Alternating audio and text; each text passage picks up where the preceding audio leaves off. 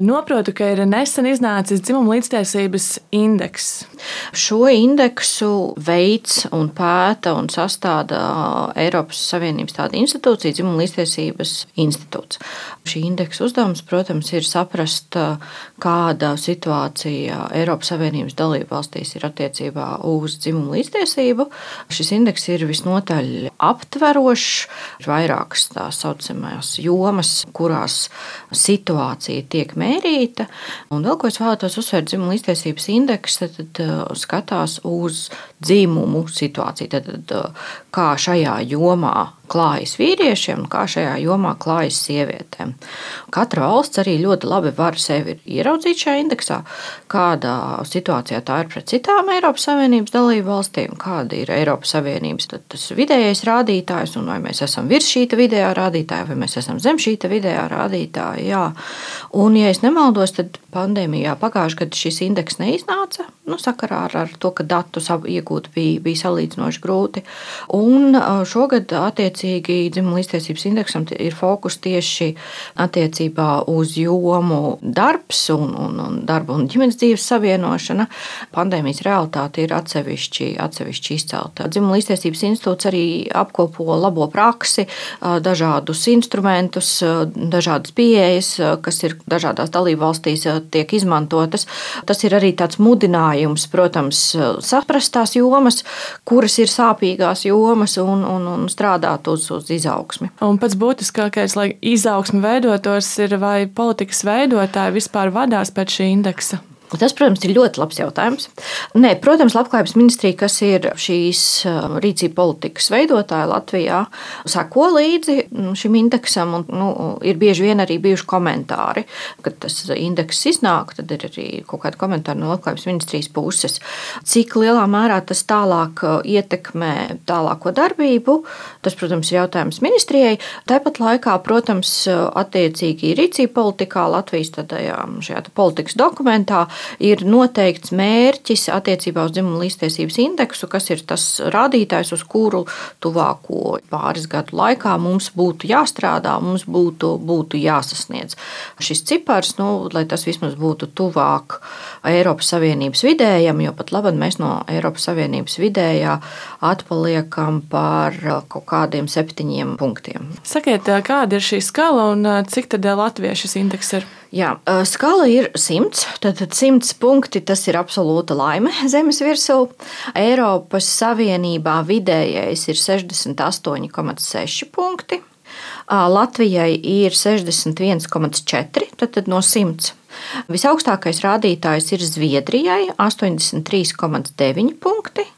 Un viszemākais, ja es nemaldos, ir Grieķijai ar 53,4 punktiem. Un kā mēs izskatāmies laika gaitā kopš šo indeksu mēra? Šo indeksu mēru kopš 2010. gada, un principā nu, var teikt, ka desmit gadu laikā jau mēs esam pavirzījušies uz augšu pār 6,2 punktiem. Nu, no vienas puses nav slikti, No vienas puses, nav arī nekāds kosmiskais ātrums. Šogad gan ir tas, ka mēs esam pret iepriekšējo reizi, kad indeks tika mērīts, mēs esam atkrituši nedaudz. Bet tas ir raksturīgs diezgan daudzām valstīm. Neliels atkritiens, ko skaidro pašdzimuma līdztiesības institūts, skaidro tieši ar pandēmiju, ar pandēmijas realitātēm. Kā jūs pati esat nozarē un pētot to visu, vai jūs vispār manat to, ka ir kaut kāda izaugsme? Nu, jā, man, protams, vieglāk varbūt ir teikt, kur mums nav izaugsme, kur mēs visu laiku ejam uz leju. Piemēram, tās ir dzimumā balstītās darba samaksas atšķirības, kur mēs lēni, bet mērķtiecīgi ejam uz apakšu, un ejam un ejam un ejam uz apakšu.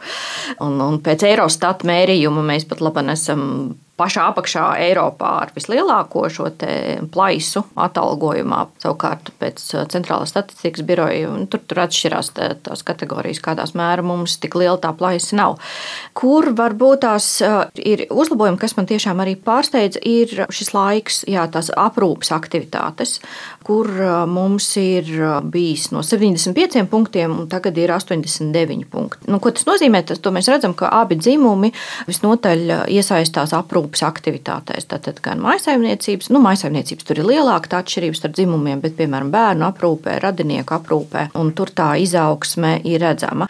Kopumā, kur mums ir varbūt tās tāda stabila stagnācija, ir darba domēnā ar dalību, ar, ar nodarbinātību konkrēti. Tā mums vienmēr ir bijusi augsta, tad, tad sieviešu nodarbinātība, joma, nauda, finansiālie resursi lēnām pieaug no 43 punktiem uz 60 punktiem.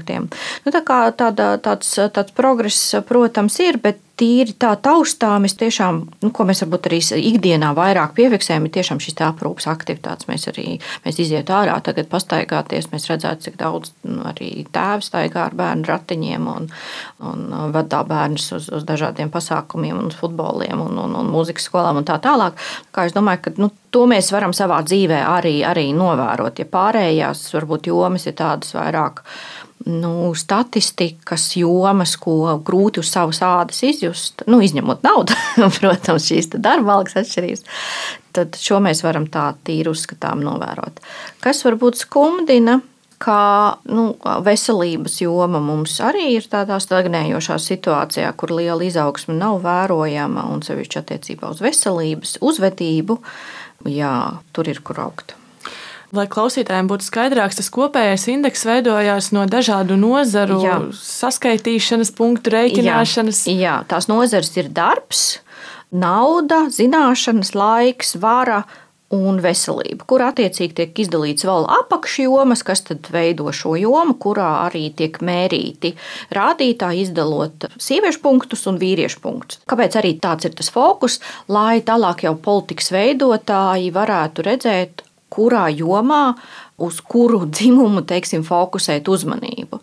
Kas man pašai likās interesanti, mhm. -huh. ka viena no jomām, kas netiek mērīta tieši skaitļos, bet uh, bet konkrēti varbūt jau arī summās tā ir tā vardarbība, jo to es saprotu, ka nevar izmērīt eh, konkrētos skaitļos. Uh, jā, un dzimumā balstītā vardarbība nav viena no tām jomām, kas tiek skaitīta un kas ietekmē indeksu. Tā tiek izdalīta atsevišķi, tāpēc, ka ļoti daudzās dalībvalstīs, tā skaitā arī Latvijai, mums, piemēram, nav nekāds punktu skaits dots, jo nav salīdzināmu datu tā statistika, kas ir, nu, tā, tā ir arī izcelta, bet nu, tā nav vienīgi Latvijas problēma. Kas vēl ir norādīts, protams, ka tas, ka nav ratificēta Stambulas konvencija, un, un tas viens no ieguvumiem no Stambulas konvencijas būtu tieši šis mehānisma izveidošana gan par ziņošanu, gan par, par datu apkopošanu, kas būtu tas jau, mēs izveidotu pamatus drošticamākiem datiem. Attiecībā uz vardarbību Eiropas Dzimuma līdztiesības institūts ir izstrādājis savu metodoloģiju, formulu, kā saskaitīt to, cik valstī izmaksā dzimumā balstītā vardarbība. Un šis aprēķins arī ir, ir, ir tiek veikts attiecībā arī, protams, uz visu Eiropas Savienību. Tie skaitļi, protams, ir visnotaļ šausminoši. Ja es no galvas nemaldos, tas bija vairāk nekā 300 miljārdi eiro gadā. Tās dzimumā balstītās vardarbības izmaksas, nu, tur, tur tā, tas, tā formula kombinējas no, no vairākām lietām, kas šīs izmaksas veido, piemēram, kā veselības aprūpe aprūpe, kā pakalpojumu sniegšana un, un, un, un, un, un darba produktivitātes zudumi un daudz kas cits. Vai nākamajā gada pārskatā mēs jau varētu manīt Latvijas labākus rādītājus? Nē, lai arī kā es cienu to darbu, ko dara tas nelielais darbinieku skaits Labklājības ministrijā, kas ir par šo jomu atbildīgs. Tas mazais darbinieku skaits nevar panākt lielu izaugsmu. Un, lai arī mums ir ierakstīts, ka mums ir tā virzība uz augstāku indeksu rādītāju, es īsti neredzu to, kā tas varētu, varētu izpildīties, arī ņemot vērā topošās valdības sastāvu, kur tomēr ekonomika valda pār visu. Jo dzimuma līdztiesības indeks tā ir ekonomika kopā ar sociālo politiku pat labi īsti neredzu, ka mums varētu būt kaut kāda, diemžēl, straujāka izaugsme. Protams, nu, dažādi šie atvesaļošanās fondi un, un, un vispārējais nestu izaugsmi, bet atkal jau vienā citā projektā bija uzdevums veikt analīzi, attiecīgi arī skatījos un darīt to par dzimumu līdztiesības principu ievērošanu šajā atvesaļošanās, Covid naudas atvesaļošanās. Nu, tur, tur īsti uz to nestrādā. Man nav optimistiskas atbildes. Protams, mēs varam runāt ļoti daudz par paudžu maiņu, un tur tās paudzes mainīsies. Tur, nu tā, ar, ar dzimumu līdztiesību bija tā, ka tā bija diezgan svarīga joma līdz mēs iestājāmies Eiropas Savienībā, jo Eiropas Savienība nu, tur, tur līdz tam vajadzēja sakārtot daudz lietas attiecībā tieši arī uz dzimumu līdztiesību. Un pēc tam jau iestājoties uh, Eiropas Savienībā, nu, tas aizgāja tādā nesvarīgo jomu sarakstā. Nu, mēs varam, protams, runāt par to, ka jaunā paudze un cita paudze nāks, kuriem jau tas diskurss un tā ideja par dzimumu līdztiesību jau ir pilnīgi cita nekā tagadējiem pie varas esošiem. Un tāpat laikā, protams, nu, nevar cerēt, ka tā izpratne par dzimumu līdztiesību vienkārši tiem cilvēkiem būs nokritusi no zila gaisa. Nu, ja viņas nav nekur, nu kā tad mēs varam paģērēt, ka tiem cilvēkiem pēkšņi, tai jaunai paudzei pēkšņi tā izpratne ir īsti jau nē. Tāpēc es esmu tāda piesardzīga šajā jautājumā, jo nu, nekas jau no, no, no tukšuma nerodas. Tāpat laikā atkal jau tā kā dzimuma līdztiesība ir viena no politikām un viena no prioritātēm, kas Eiropas Savienībā ir svarīga. Un Eiropas Savienībā tomēr arī top jaunas direktīvas, kas tā vai citādāk liks kaut ko darīt. Piemēram, šis tēva atvaļinājums, tas jau arī nu, nebija tāpēc, ka mēs tā izdomājām, bet ir Eiropas Savienības direktīva. Nu, tad es domāju, ka mēs darīsim to, ko mums Eiropas Savienība liks, un tas mūs pievilks. Arī kāda, nu, protams, mēs, nees, mēs nevaram teikt, ka Latvija ir, ir ļoti, ļoti patriarchāla sabiedrība. Nu, mēs te, te arī pa tādu zem vidējā līmeņa, es pieļauju, kaut kādā laikā ļoti ilgi arī kulsimies, tāpēc, ka nu, mēs izpildām to, ko Eiropas Savienība liek. Mums pat labi, nu, nu, nu, es, es, es ļoti ceru, nekādas orbāniskas vai, vai, vai kā polijā tendences neparādīsies. Nu, tad tādā savā šajā gliemeža ātrumā arī, arī čubināsim uz priekšu. Kāpēc jums ir svarīga dzimuma līdztiesība un kāpēc sabiedrībai tai būtu jābūt svarīgai? Mēs vienkārši dzīvosim labāk. Nu, tas ir neapgāžami. Mēs vienkārši dzīvosim labāk, ja abi dzimumi saņems līdzvērtīgu atalgojumu, ja vīrieši iesaistīsies emocionālajā un aprūpas darbā. Tie ir ieguvumi gan tautsājumniecībai. Ja? Mums tas resurss ir tik, cik ir tas cilvēku resurss. Mēs esam tik, cik mēs esam. Un vai mēs varam atļauties būt nevērīgi pret daļu no tā resursa, kas mums ir. Domāju, ka nu, tas ir tāds, jā, gan labi ekonomikai, gan, protams, arī labi pašai sabiedrībai. Un tāpēc tas ir arī svarīgi, svarīgi arī man. Paldies! Tad cerēsim, ka nākamgad šie rādītāji mums būs augstāki. Līdz ar to tas parādīs, ka mēs varam dzīvot arī labāk. Jā, es ļoti uz to ceru. Paldies!